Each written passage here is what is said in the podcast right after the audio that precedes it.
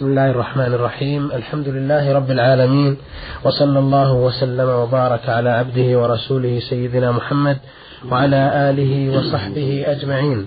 أيها المستمعون الكرام يسرني أن أرحب بكم في حلقة جديدة من حلقات نور على الدرب. كما يسرنا أن نكون في هذه الحلقة في معية سماحة الشيخ عبد العزيز بن عبد الله بن باز الرئيس العام لإدارات البحوث العلمية والإفتاء والدعوة والإرشاد ليتفضل سماحته مشكورا بالإجابة على ما لدينا من رسائل. وأولى رسائل هذه الحلقة وردت من آه، المرسل عبد القادر عبد الله آه، موسى من السودان يقيم في الكويت. الأخ عبد القادر يقول في رسالته يوجد إمام مسجد آه، في إحدى القرى من الذين يزورون القباب ويسألون أصحابها الأموات النفع وجلب المصالح وكذلك يلبس الحجب ويتبرك آه، بالحجارة التي على الأضرحة. السؤال هل تجوز الصلاة خلفه؟ وإذا كانت الإجابة بالنفي فماذا نفعل مع العلم أن هناك آه، يعني أنه ليس هناك مسجد آخر؟ أفيدنا أفادكم الله. بسم الله الرحمن الرحيم. الحمد لله والصلاة والسلام على رسول الله وعلى آله وأصحابه ومن اهتدى بهداه. أما بعد فمن شرط الإمامة أن يكون الإمام مسلما.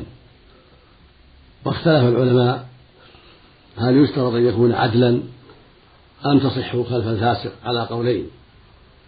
لأهل العلم والصواب أن تصح خلف الفاسق إذا كان مسلما. ولكن لا ينبغي أن يولى مع وجود غيره بل, بل ينبغي لولاة الأمور أن يتحروا في الإمام أن يكون مسلما عدلا طيب السيرة حسن العمل لأنه يقتدى به. أما من كان يزور القبور ليدعو أهلها من دون الله ليستغيث بهم ليتمسح بقبورهم ليسألهم شفاء المرضى ونصائح الأعداء فهذا ليس بمسلم. هذا مشرك لأن دعاء الأموات والاستغاثة بالأموات والنذر لهم من أنواع الكفر بالله. فلا يجوز أن يتخذ إماما ولا يصلى خلفه. وإذا لم يجد المسلمون مسجدا آخر صلوا قبله أو بعده. صلوا في المسجد الذي يصلي فيه لكن بعده أو قبله. فإن تيسر عزله وجب عزله.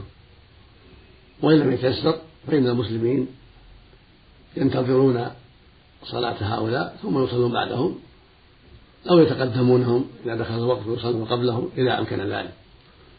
فإن لم يمكنهم صلوا بيوتهم. فاتقوا الله ما استطعتم. وينبغي أن يعلم هذا الإمام ويرشد إلى الحق لأنه في حاجة إلى الدعوة إلى الله. والمسلم ينصح للمسلمين وينصح لغيرهم. يدعو إلى الله. كما ثبت عن النبي صلى الله عليه وسلم أنه قال لعلي رضي الله عنه لما بعثه إلى خيبر والله لأن يهدي الله بك رجلا واحدا خير لك من حمر النعم وقال عليه الصلاة والسلام من دل على خير فله مثل أجر فاعله. والله يقول سبحانه ومن أحسن قولا ممن دعا إلى الله وعمل صالحا. وقال إنني إنني من المسلمين. وقال سبحانه قل هذه سبيلي أدعو إلى الله على بصيرة. أنا ومن اتبعني. الآية قال سبحانه ادع إلى سبيل ربك بالحكمة والموعظة الحسنة وجادلهم بالتي أحسن. فهذا الإمام يدعى إلى الله يوجه إلى الخير يعلم أن عمله باطل وأنه شرك بالأساليب الحسنة بالرزق والحكمة لعله يهتدي لعله يقبل الحق. فإن لم يتيسر ذلك فيتصل بالمسؤول عن المسجد من أوقاف أو غير أوقاف ويبين لهم أن هذا الإمام لا يصلح. وأن الواجب عزله وأن يولى في المسجد رجل موحد مؤمن مسلم حتى لا يتفرق الناس عن المسجد وحتى لا يصلي بهم إنسان كافر. هذا هو الواجب على المسلمين يتعاونوا في هذا الخير وأن ينصحوا لولاة الأمور وأن ينصحوا لهذا الإمام الجاهل لعله يهتدي. نعم. بارك الله فيكم وجزاكم الله خيرا.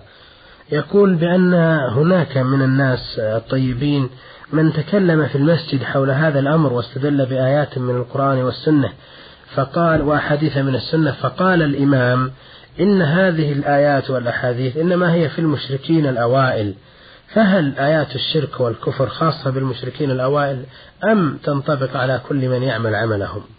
ليست خاصة بهم بل لهم ولمن عمل أعمالهم. القرآن نزل لهم ولغيرهم إلى يوم القيامة فهو حجة الله على عباده إلى يوم القيامة.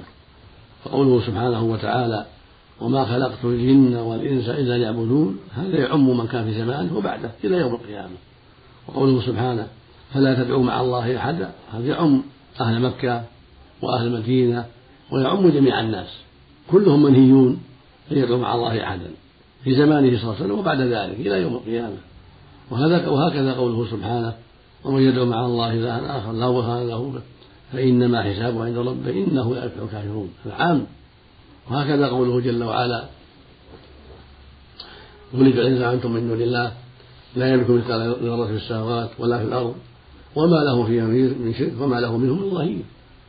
هذا يعم جميع الخلائق كما يعم الأصنام ويعم جميع من يعبد من دون الله. وهكذا قول سبحانه قل إن أنتم من دونه فلا يملكون كشف الضر عنهم ولا تحويلا. أولئك الذين يدعون يبتغون ربهم وسع أيهم أقرب ويرجو رحمته ويخافون عذابه. إن عذاب ربك كان محذورا فليعم جميع الناس. وهكذا قول سبحانه ذلكم الله ربكم له الملك. والذين تدعون من دونه ما يملكون من قطمير إن تدعوهم لا يسمعوا دعاءكم. ولو سمعوا ما استجابوا لكم. ويوم القيامة يكفرون بشرككم. ولا ينبئك مثل خبير سبحانه وتعالى. فبين سبحانه أن المدعوين من دون الله من أصنام أو جن أو ملائكة أو أنبياء أو صالحين لا يسمعون دعاء من دعاهم. إن تدعوهم لا يسمعون دعاءكم وأنهم ما يملكون من قطمير وهو اللفاف وهو اللفاف التي على النواة. فهم لا يملكون ما يطلب منهم. ولا يستطيعون أن يسمعوا. إن تدعوهم لا يسمعوا دعاءكم هذا كلام الحق سبحانه وتعالى. ثم قال ولو سمعوا ما استجابوا لكم. فلو فرض أنهم سمعوا لم يستجيبوا لعجزهم. ثم قال ويوم القيامة يكفر بشركهم. فسمى دعاءهم إياهم شركا بهم. ووجب على أهل الإسلام يدعوا ذلك وعلى كل مكلف يدعى ذلك. وأن لا يدعو إلا الله وحده سبحانه وتعالى. وهذا يعم جميع العصور من عصره صلى الله عليه وسلم إلى آخر الدهر. نسأل الله للجميع الهداية. نعم. بارك الله فيكم. يقول أخيرا في رسالة الأخ عبد القادر إذا كان إمام المسجد يعتمد في خطبه على كتاب ابن نباته ومعظم المصلين حفظوا خطبه بالتكرار فهل يجوز ترك الخطبة والاستماع لخطبة الحرم الشريف من المذياع في الإذاعة وبعد الفراغ منها أذهب للمسجد لأداء الصلاة؟ أفيدنا أفادكم الله. لا ما يصلح لا يصلح هذا. الواجب أنه ينصح حتى ينشئ خطبا مناسبة أو يعطى كتب كتبا من المؤلفات في الخطب المفيدة فإن هناك كتبا كثيرة مؤلفة في الخطب بحمد الله كثيرة يمكن أن يستفيد من منها فيعطى بعض الكتب المفيدة ويوصى بأن يغير تارة كذا وتارة كذا حتى ينفع الناس وحتى يأتي لهم بشيء جديد يحرك قلوبهم ويفيدهم. أما أن تتأخر حتى تأتي بعد ذلك لا مشروع لك المسابقة حتى تأتي في المسجد قبل الخطبة وقبل الصلاة بوقت. تصلي ما قسم الله وتنتظر الصلاة يحصل فضل التبكير. المقصود أن الإمام يغير ويستعين بالله ثم بالكتب التي ألفت في خطب الجمعة. ويستعين بالله ثم بإخوانه الطيبين إذا كان عنده خطب حتى يضعوا له خطبا مناسبة مفيدة. والمسلم وأخو المسلم وطلبة العلم إخوة فيما بينهم يتعاونون نعم. بارك الله فيكم. آه، الرسالة الثانية في هذه الحلقة وردت من السائل عين حاء ألف من السودان الإقليم الأوسط. يقول في رسالته آه، أحيانا نجد آيات مكتوبة على ورق ملقاة في الأرض وأحيانا نريد آه، أن نستغني عن أوراق فيها بسملة أو آيات أخرى. فهل التمزيق يكفي ثم بعد ذلك ترمى أم أنها تحرق؟ آه، أرشدونا ماذا نعمل الواجب إذا كانت هناك آيات في بعض الأوراق أو التسمية أو غير ذلك مما فيه ذكر الله الواجب أنه يحرق أو يدفن في أرض طيبة. أما أما إلقاؤه في القمامة أو في الأسواق هذا لا يجوز. ولو مزق لأن فيه إهانة لأسماء الله وآياته ولو مزق قد قد تبقى كلمة الجلالة أو الرحمن أو غير من أسماء الله. في بعض القطع. قد تبقى بعض الآيات في بعض القطع. المقصود أن الواجب إما أن يحرق تحريقا كاملا وإما يدخل في أرض طيبة. مثل المصحف الذي تمزق و... وقل الانتفاع به يدفن في أرض طيبة أو يحرق أما إلقاء ذلك في القمامات أو في أسواق الناس أو في الأحواش هذا لا يجوز. نعم. وبالنسبة إذا أحرق هل هناك حرج من تطاير الرماد؟ لا ما يضر نعم. متى أحرق؟ زال حكمه. بارك الله فيك. يسأل أيضا ويقول أنا آه، أبدأ صلاتي بالبسملة قبل الفاتحة وقبل السورة التي تليها في كل ركعة فهل من حرج في ذلك؟ هذا هو المشروع. مشروع المؤمن أن يسمي في أول كل سورة الفاتحة وغيرها ويستعيذ بالله من الشيطان الرجيم أول ما يقرأ ثم يأتي بالتسمية ثم يقرأ الفاتحة وهكذا في السور الأخرى يسمي. وإن أعاد التعوذ فلا بأس وإن ترك كفاه التعوذ في أول صلاته. وأما التسمية فيسمى تكرارها عند كل عند كل سورة. لأن النبي عليه السلام كان يقرأها في أول كل سورة عليه الصلاة والسلام. ولكن يسر بها في الجاهلية. إذا كان إمام يسر بها الأفضل أن يسر بها. لأن الرسول كان يسر بها عليه الصلاة والسلام. وإن جهر بعض الأحيان ليعلم الناس أنه يقرأها للفائدة فلا بأس كما جهر بها بعض الصحابة. نعم. بارك الله فيكم. يقول السائل أيضا آه، إن والدي آه، كبير ولا يذهب لصلاة الجمعة ويقول إنه مريض عندما سألته عن ذلك بمرض هو عبارة عن بخر في الفم ورائحة كريهة وقال إنه لا يريد أن يؤذي الناس بهذه الرائحة. فهل يجوز فعله هذا؟ نعم هذا عذر شرعي. إذا كان به بخر شديد الرائحة الكريهة ولم يتيسر له ما يزيله فهو عذر. كما أن البصل والكراث عذر. فالبخر قد يكون شديد الرائحة الكريهة قد يؤذي من حوله من يمينه وشماله.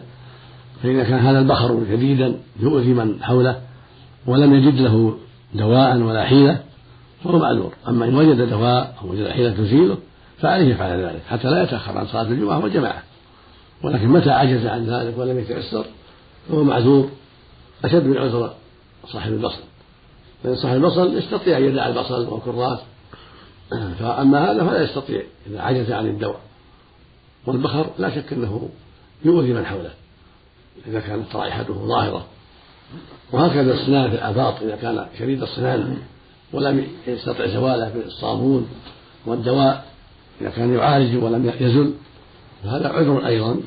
أما إذا استطاع إزالته بالغسل والبخور والأدوية الأخرى التي تزيل أثره من الآفاق فالواجب عليه فعل ذلك حتى يصلي مع المسلمين. وهكذا صاحب الدخان يجب عليه أن يزيل أثر الدخان من فمه في كل ما يستطيع وأن يكون قرب الصلاة لا يتعاطى هذا حتى لا يؤذي من حوله فإذا كان هناك بقية استعمل ما يزيل بقية الرائحة من الأدوية أو أشياء تمضغ أو غير ذلك مما يزيل رائحته حتى لا يؤذي أحدا. نعم. والدخان قبيح ومنكر يجب تركه. ولا تجوز التجارة فيه لا بيعا ولا شراء. لكن من بلي به فليتق الله ويستعن بالله على تركه وليحذر شره وبلاءه. وما دام يتعاطى فليحذر أن يأتي به المسجد وهو رائحته ظاهرة بل يتعاطى ما يزيل الرائحة ويجتهد حتى يعافيه الله من شره وحتى يجد حيلة في تركه. بارك الله فيكم. الحقيقة سماحة الشيخ أن كثيرا من الرجال يتساهلون في موضوع طيب الرائحة عند الصلاة. ومنهم من يعني يأتي وعليه ملابس العمل أو ملابس مثل ما تفضلتم فيها رائحة كريهة. فلا أدري يعني بماذا توجهون في هذا. الواجب على المؤمن أن يحرص على طيب الرائحة. كان النبي صلى الله عليه وسلم يحب الطيب ويتعاطى الطيب عليه الصلاة والسلام. فإذا أمكنه أن يتعاطى ما يزيل الرائحة فليفعل. لكن في حال العمل قد لا يتمكن فليتق الله ما استطاع. أما إذا تمكن من إزالة الرائحة الكريهة من رائحة الدخان أو الآباط أو البخر فليتق الله وليعمل. حتى لا يتأخر عن جمعة ولا عن جمعة. نعم. بارك الله فيكم. وهذه رسالة من عبد العزيز فضل الله محمد من السودان أيضا يقول فيها عندنا عادة آه، عندما نريد أن نضع أساسا لبناء جديد أو نضع العتب لهذا البناء آه، أو نريد أن نضع محلا جديدا أو نفتتح دكانا أو غيره فإننا نذبح في ذلك اليوم ونسميها كرامة لهذا الشيء الذي ذبح من أجله. فما رأي الشرع في ذلك؟ بارك الله فيكم. هذا لا يجوز. هذا من جنس عمل. كثير من الناس كانوا يفعلون هذا للجن يقولون نتقي شرهم. إن أرادوا تأسيس مزرعة أو تأسيس بيت ذبحوا عند الأسس عنزا أو تيسا. وقالوا هذا للجن نتقي شر هذه البقعة شر سكان هذه البقعة بقعة هذا من جنس عمل أولئك فلا يجوز التشبه بأهل الكفر. وقد يجرهم هذا إلى يفعلوا فعلهم وينوي نيتهم. فالواجب عدم ذلك وأن يحذر ذلك فلا يذبح إلى التأسيس شيء. نعم. بارك الله فيكم. وهذه رسالة وردت من السائل ميم سين عين من العراق الموصل يقول في رسالته آه، قرأت في كتاب آه، صفة الصلاة للألباني آه، قول الرسول صلى الله عليه وسلم لا صلاة لمن لم يقرأ بفاتحة الكتاب. ولفظ آخر لا تجزئ صلاة لا يقرأ الرجل فيها بفاتحة الكتاب. السؤال ما معنى الصلاة هنا؟ هل هي الركعة الواحدة أم أن الصلاة كلها تبطل؟ أفيدونا أفادكم الله. إذا ترك الصلاة ترك الفاتحة بطلت الصلاة. كان إماما أو منفردا إذا تعمد ذلك بطلت. أما إذا كان ساهيا قامت الأخرى مقامها وزاد ركعة. أما إذا كان عاملا تعمده ويعلم حكم الشرع في ذلك تبطل صلاته. أما إذا كان ساهيا فإنها لا تبطل صلاته لكن يأتي بركة. إذا لم ينتبه إلا بعد فرائه من الركعة يأتي بركة أخرى بدلا من التي ترك فيها القراءة. أما المأموم فإن الواجب عليه يقرأها على الصحيح يقرأها مع إمامه أو في سكتات إمامه فإن لم يقرأها جاهلا أو ناسيا أو مقلدا لمن يرى أنها لا تجب على المأموم فلا شيء عليه. أو جاء المأموم والإمام راكع ولم يتمكن من قراءتها أو قرب الركوع ولم يتمكن من قراءتها فلا حرج عليه. لأنه ثبت عنه صلى الله عليه وسلم أنه قرأ أبا بكر لما جاء والإمام راكع ركع معه أبو بكر عليه الصلاة والسلام ولم يأمره بقضاء الركعة عليه الصلاة والسلام دل ذلك على أنه معذور. واحتج به الجمهور على أن الفاتحة لا تجب على المأموم ولكن عموم الأدلة يدل على وجوبها على المأموم إلا أنه معذور إذا فاته القيام أو نسي أو كان جاهلا فيتحملها على الإمام. نعم. بارك الله فيكم. آه، يسأل أيضا ويقول هناك من يقول إن الصلاة يختلف حكمها آه، في المسجد الذي فيه قبر عن المسجد الذي فيه قبران عن المسجد الذي فيه ثلاثة أو أكثر. آه، نرجو التوضيح في هذا. وكيف الحكم؟ والرسول عليه الصلاة والسلام قال لعن الله اليهود والنصارى اتخذوا قبور أنبيائهم مساجد ويسأل أيضا ويقول إن كثيرا ممن يعودون من المدينة المنورة بعد الحج إلى بلادهم يحتجون بجواز الصلاة في المساجد التي فيها قبور ويقولون إن قبر النبي صلى الله عليه وسلم وقبري صاحبيه رضي الله عنهما موجودان في المسجد والناس يصلون إليهما. أرجو الإيضاح في هذه النقطة. الرسول صلى الله عليه وسلم لعن من اتخذ مساجد القبور وحذر من ذلك عليه الصلاة والسلام. قال لعن الله اليهود والنصارى اتخذوا قبور أنبيائهم مساجد. وقال صلى الله عليه وسلم ألا وإن من كان قبلكم كانوا يتخذون قبور أنبيائهم وصالحيهم مساجد. ألا فلا تتخذوا مساجد فإني أنهاكم عن ذلك. رواه مسلم الصحيح والأول رواه الشيخان. وروى الشيخان أيضا عن عائشة رضي الله عنها أن أم حبيبة وأم سلمة رضي الله تعالى عنهما ذكرتا عن النبي صلى الله عليه وسلم كنيسة رأتاها بأرض الحبشة. وما فيها من الصور. فقال أولئك إذا مات فيهم الرجل الصالح. بنوا على قبره مسجدا وصوروا فيه تلك الصور. ثم قال عليه السلام أولئك شرار الخلق عند الله. فبين صلى الله عليه وسلم أن الذين يبنون مساجد القبور هم شرار الخلق عند الله. وحذر من فعلهم. فدل ذلك على أن المسجد المقام على قبر أو قبرين أو ثلاثة لا يصلى فيه. ولا فرق بين الواحد والعدد. بل يجب ترك ذلك. فإن كان المسجد هو الذي بني أخيرا وجب هدمه. وأن تبقى القبور ضاحية ليس عليها بناء. كما كانت القبور في المدينة في عهد صلى الله عليه وسلم وعهد أصحابه ضاحية. وهكذا اليوم في عهد المملكة العربية السعودية ضاحية ليس عليها بناء. هذا هو المشروع هذا هو الواجب. أما إن كان المسجد قديم المسجد كان قديما ولكن حدث فيه القبر. فالقبر ينبش يجب على ولاة الأمور على أهل الهل والعقد أن ينبشوا وأن يزيلوا الرفات التي فيه ينقلوها إلى المقابر العامة ويبقى المسجد سليما ليس فيه ليس فيه شيء حتى يصلى فيه. هذا هو الواجب. أما احتجاج بعض الجهلة بوجود قول النبي صلى الله عليه وسلم مقابر صاحبه المسجد فهذا غلط.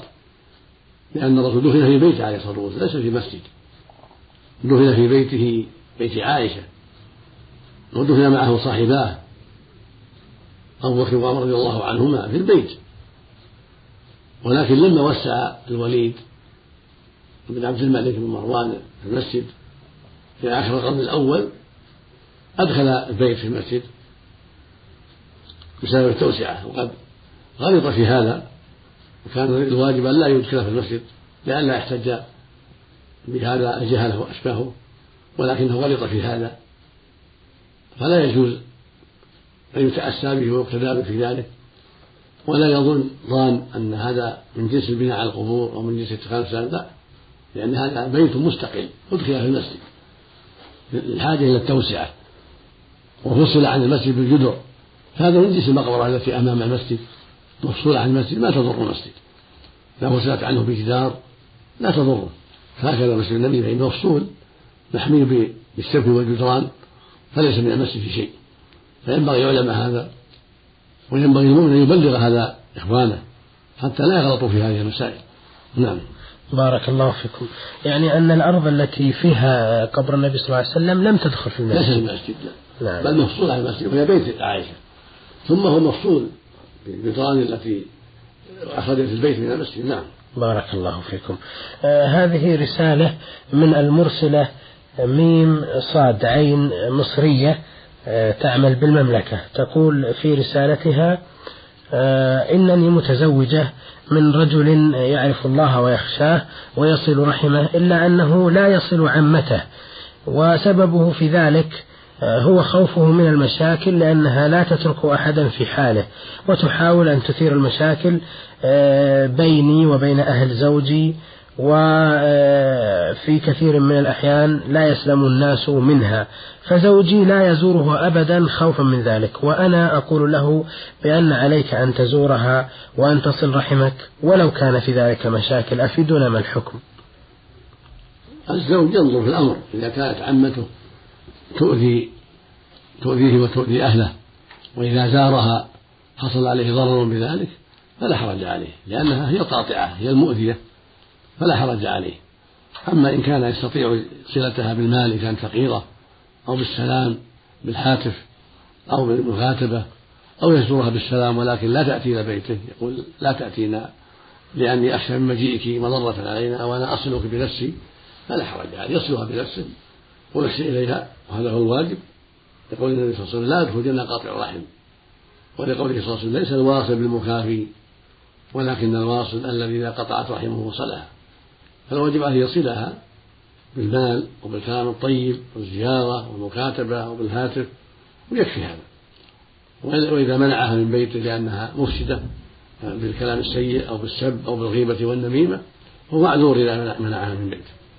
نعم. بارك الله فيكم.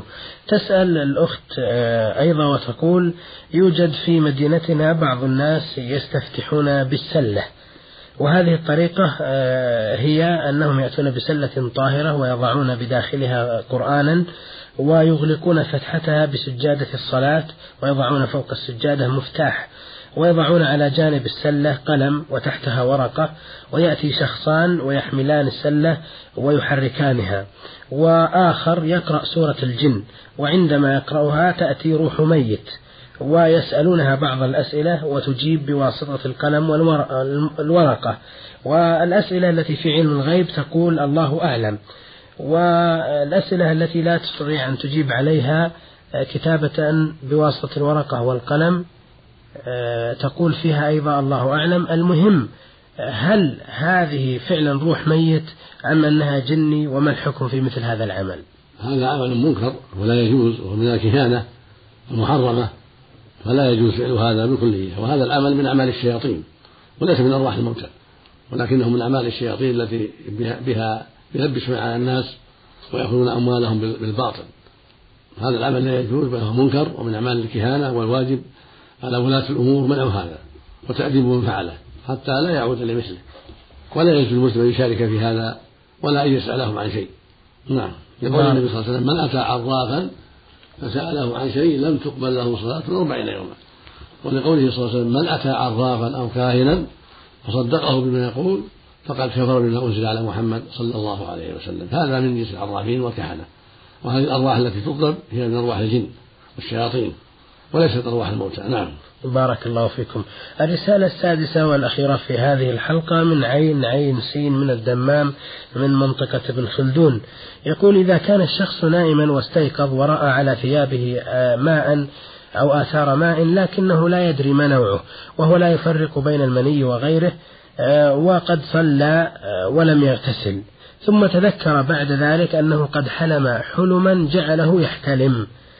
فماذا يجب عليه؟ هل يعيد الصلوات التي صلاها أم ماذا يعمل؟ نعم إذا كان عرف أنه مني يغتسل صلى جنابه ويعيد الصلاة التي صلى. أما إن كان لم يتذكر شيئا من ذلك والماء اشتبه عليه لا يعرفه هل هو مني أو بول فإنه يغسل ثوبه من باب الحيطة ولا يلزمه غسل جنابه إلا إذا غلب على ظنه أنه مني أما إذا لم يعلم فإنه يدع ذلك ولا يلزمه غسل الثوب ولا الغسل من الجنابة إلا إذا عرف أنه بول أو عرف أنه مذي يغسل الثوب المذي يرش في الثوب والبول يغسله غسلا ويعصره والمذي طاهر لا يجب لا يجب غسله لكن إذا فركه أو غسله يكون أولى وأفضل. فإن غلب على ظنه أنه مني وجب عليه الغسل. وإن غلب على ظنه أنه بول وجب عليه غسل الثوب والتنظف من هذا البول الذي أصاب فخذه أو أصاب غير ذلك. الحاصل أنه عرف أنه مني أو غلب ظنه أنه مني فإنه يغتسل ويصلي ما ما ما فعل من الصلوات بغير غسل. وقد يتبين ذلك إذا كان عن ملاعبة أو تفكير عند النوم فإنه في الغالب يكون منيا أو مذيا والمني والمني يختلفان. المني ماء غليظ يتبين والمني ماء ضعيف يكون له أثر الشذوذ في الثوب ولا يكون منيا. فهو ينبغي له يتحرى هذا الشيء ويحرص. فإن ظهرت أمارات المني اغتسل وإن ظهرت أمارات أمارات المني غسل رش ثوبه وغسل ذكره وانثييه استنجى ويكفي هذا.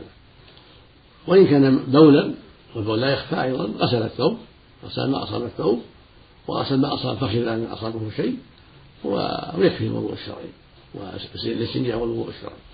نعم. بارك الله فيكم. هناك صاحبنا في هذه الرسالة ذكر أنه لا يفرق بين أنواع آه، بعض الماء لكن هناك من يقول إن هناك نوع ثالث وهو الودي. ما أدري آه، ما تعليق الودي هذا يكون بعد البول مع البول في آخر البول.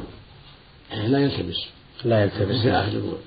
والمني يقول العلماء أنه له رائحة تشبه رائحة اللقاح النخل.